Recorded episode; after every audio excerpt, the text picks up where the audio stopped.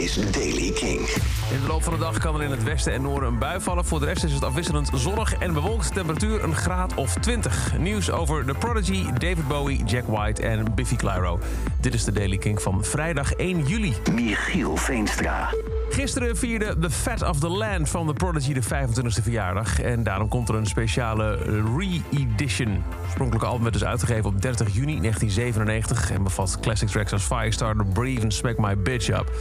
Om het 25-jarig jubileum te vieren heeft Excel Recordings twee jubileumreleases aangekondigd... waaronder een limited edition 2 LP zilveren 12-inch vinylpakket van het originele album...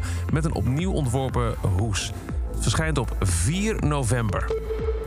Mattel heeft een door David Bowie geïnspireerde Barbie-pop uitgebracht... ter gelegenheid van de recente 50ste verjaardag van het vierde studioalbum van Bowie, Hunky Dory. Het is niet de eerste keer. Ook in 2019 werd er al een Barbie van Bowie uitgegeven. Toen in het Space Oddity pak. En nu is het een uh, Barbie in zijn ja, poederblauwe pak... dat hij droeg in de Live on Mars clip.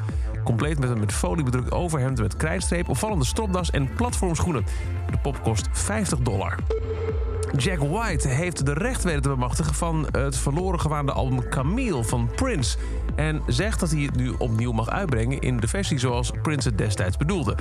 Uh, het gaat om een plaat uit 86 die Prince opnam onder zijn vrouwelijke alter ego Camille. De zang uh, op de plaat was allemaal met pitch shift omhoog gewerkt om hem als een vrouw te laten klinken. Uh, hij heeft een, een exemplaar weten te vinden. Dat is al vrij pittig, want het is een moeilijk te vinden LP. En nu zegt hij van de erven Prince ook toestemming hebben gekregen om het album te remasteren en binnenkort opnieuw uit te brengen. En tot slot, Simon Neil, de frontman van Biffy Clyro... krijgt een eredoctoraat van de Glasgow Caledonian University.